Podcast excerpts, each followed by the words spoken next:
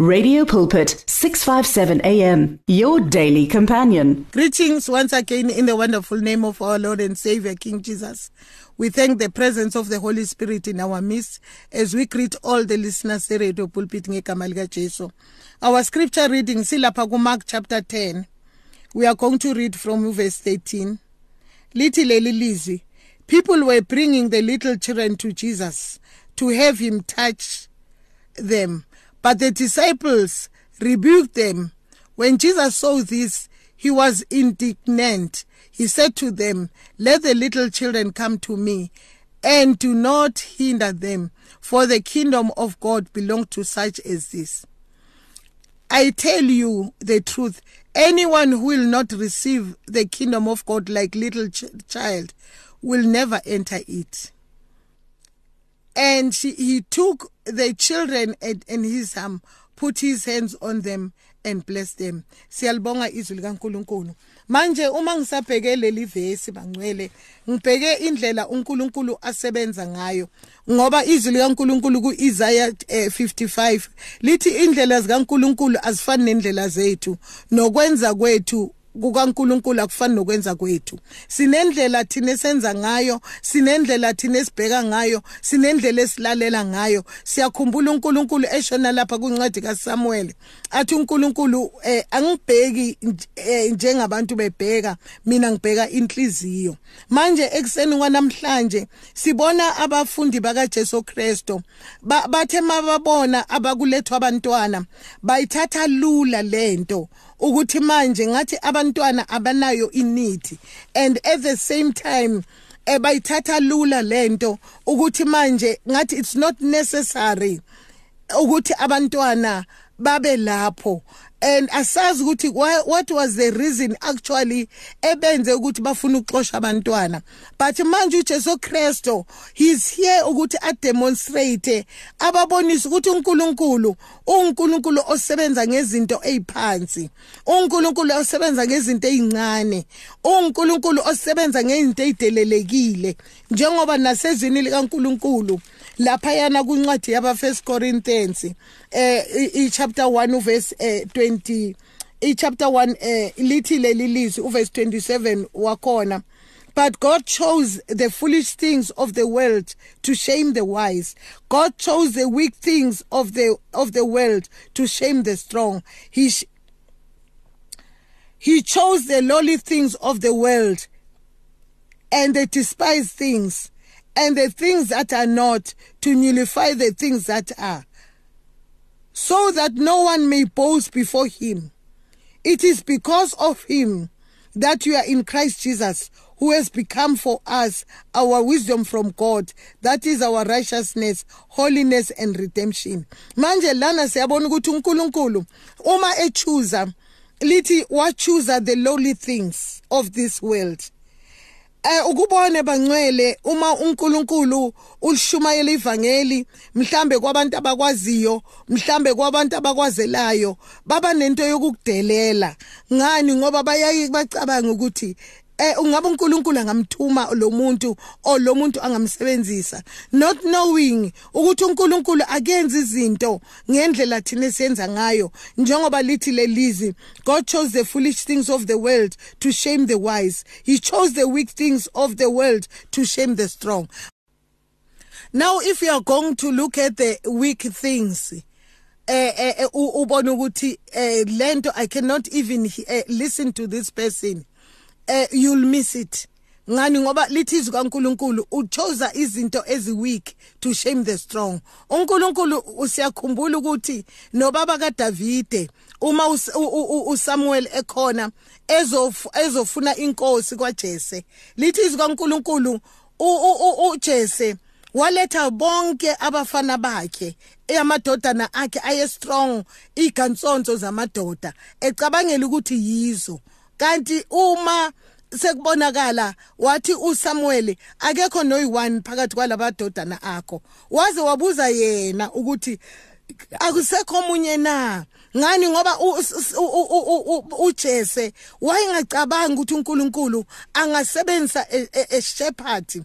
Wayengacabanga ukuthi uNkulunkulu angasebenzisa a young boy. Wayebheke amadodana akhe. Siyakhumbula ukuthi nalapha beyoma e, noGoliath wayethumele amadodana akhe ayikansonto and makafika uDavid kubo makafika uDavid ubrother wakhe was very angry. Wambuza ukuthi uzokwenzani la?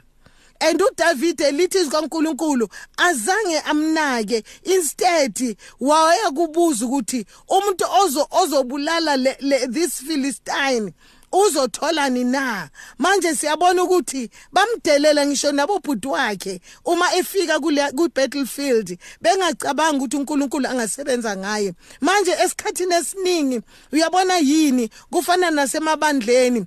Kuyaye kuba khona abantu esithi masibabheka sibe nokubadelela ngoba mhlamba abahambi ngeimoto ezinkulu ngoba mhlamba bahlala endaweni e, e, e, ezindlini ezinte ngoba mhlamba abanalento thina esiyibhekile. Bese sicabangela ukuthi uNkulunkulu angeke abasebenzise and yethu uThixo kungaba yibo labo bantu abasebenzisayo thina esingababhekanga. Ngoba thina sifuna umuntu ukuthi size simbeke kube umuntu onemali kube umuntu onem imoto ohamba ngemoto enje bese kuba uye esimbekayo ukuthi enze noma yini enkonzweni. And yet lo muntu loyo ubekwa yithi akabekwanga uNkulunkulu. Ngani? Ngoba thina simbheke ngaleli lihlo njengoba uNkulunkulu athi He chose the weak to shame the strong. Bese we miss the plan of God.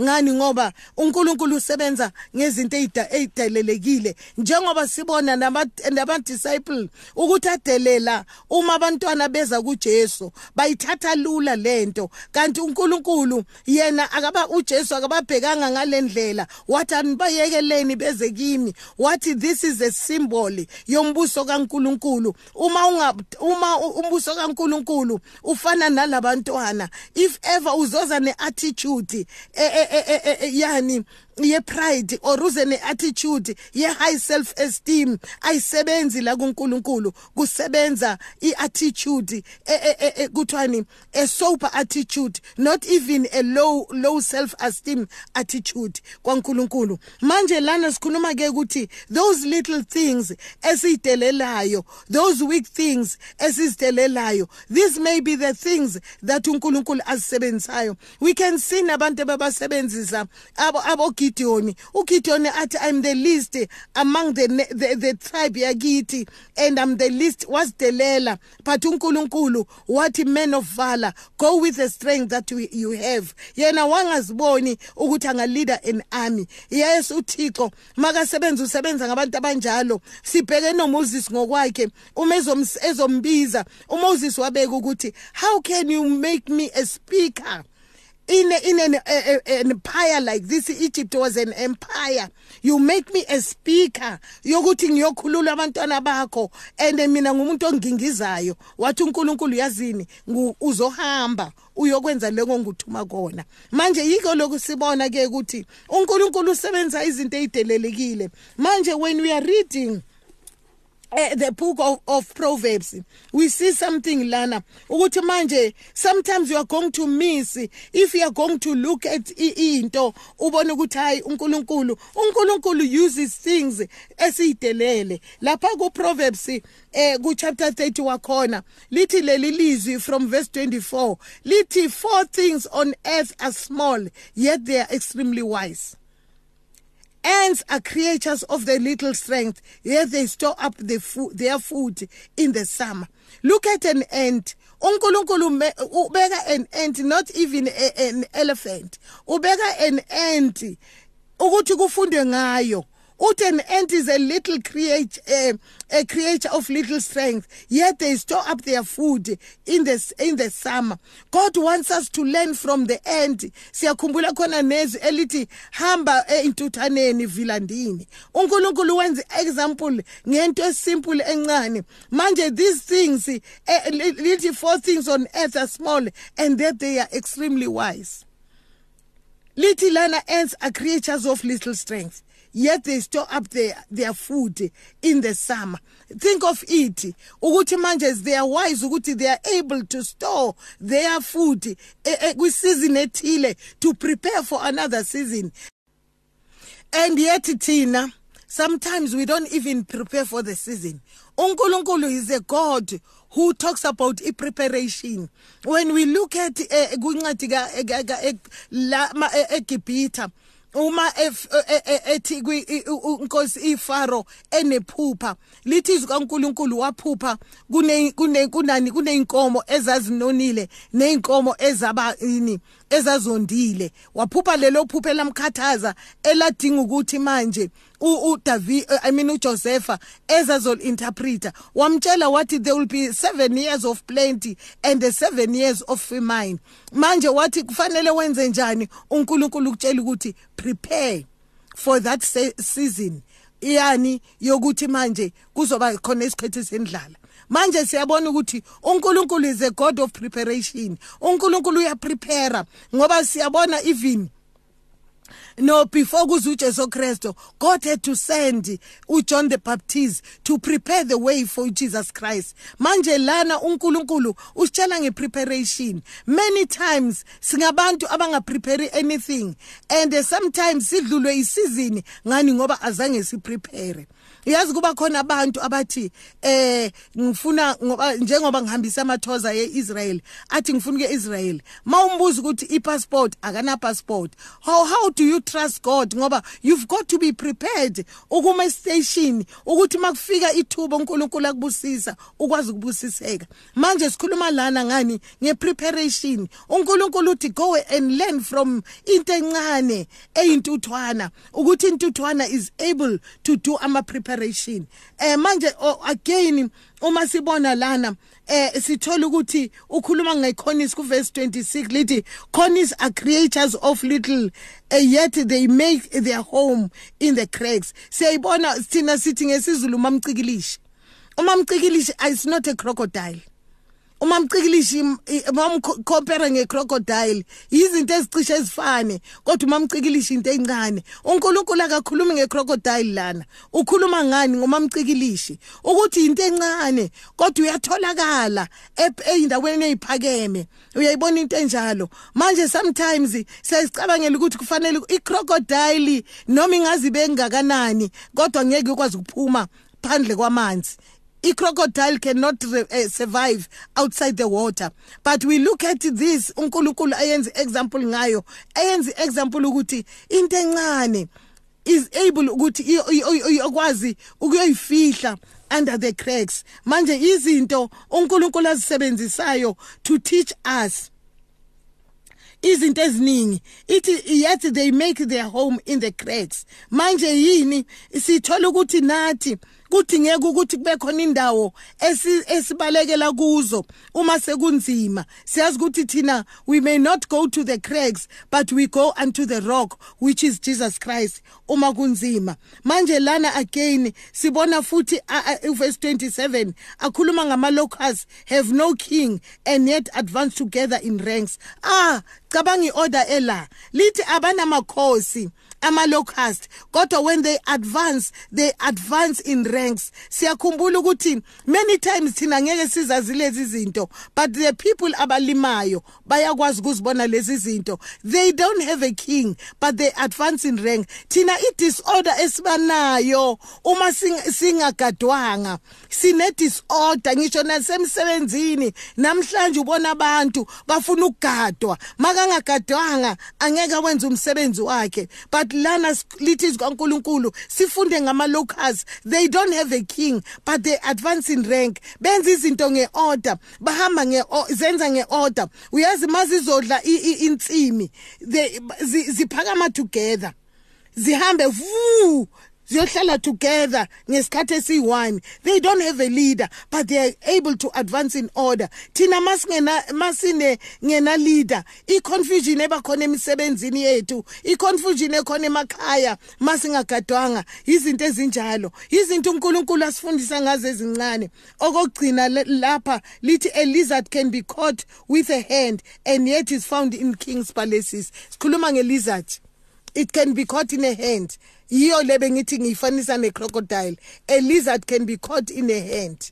And yet it is found in palaces ah into encane kodwa uyakwazi ukufinyelela endaweni yobukhosi. Siyambonga uNkulunkulu. Manje ekseni kwanamhlanje uNkulunkulu ulethe those small things ukuthi asifundise ngazo to learn things. If you can learn even ngama locals bekungaba neorder emakhayeni ethu kungaba neorder kwi community yethu kungaba neorder emabandleni ethu kungaba neorder ngoba wherever eh, eh, kungena leader umuntu engagadwanga kuba ne disorder emisebenzini namhlanje uthi mawuya ufike kokuma home affairs labantu laba bayihlalele bayayixoxela bafuna ukugadwa.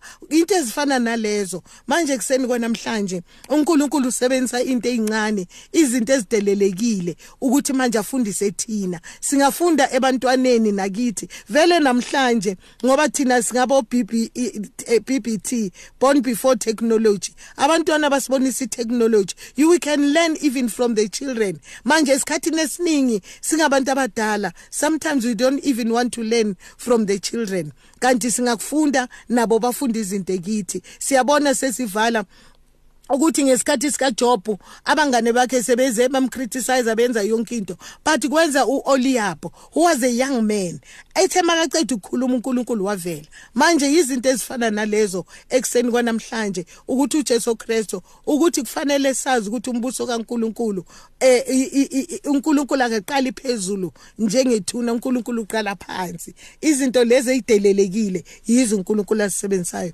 may God richly bless us this morning. This is Apostle Gwen amen. Become active active in faith. 657 am for there is a time to search and a time to give up a time to reap and a time to sow. Radio Pulpit wishes to be there at all times even when you just need prayer. Send us your prayer requests by calling 067 429 7564 or email it to prayer at radiopulpit.co.za. The search continues for top quality South African Christian music. If you are a new artist or releasing a new CD, then send it to Radio Pulpit. For more information, please visit the Radio Pulpit website. That's www.radiopulpit.co.za. Or phone us during office hours 012 334 1200. Radio Pulpit, your daily companion. You and 657 AM and life, a winning team on the road to eternity.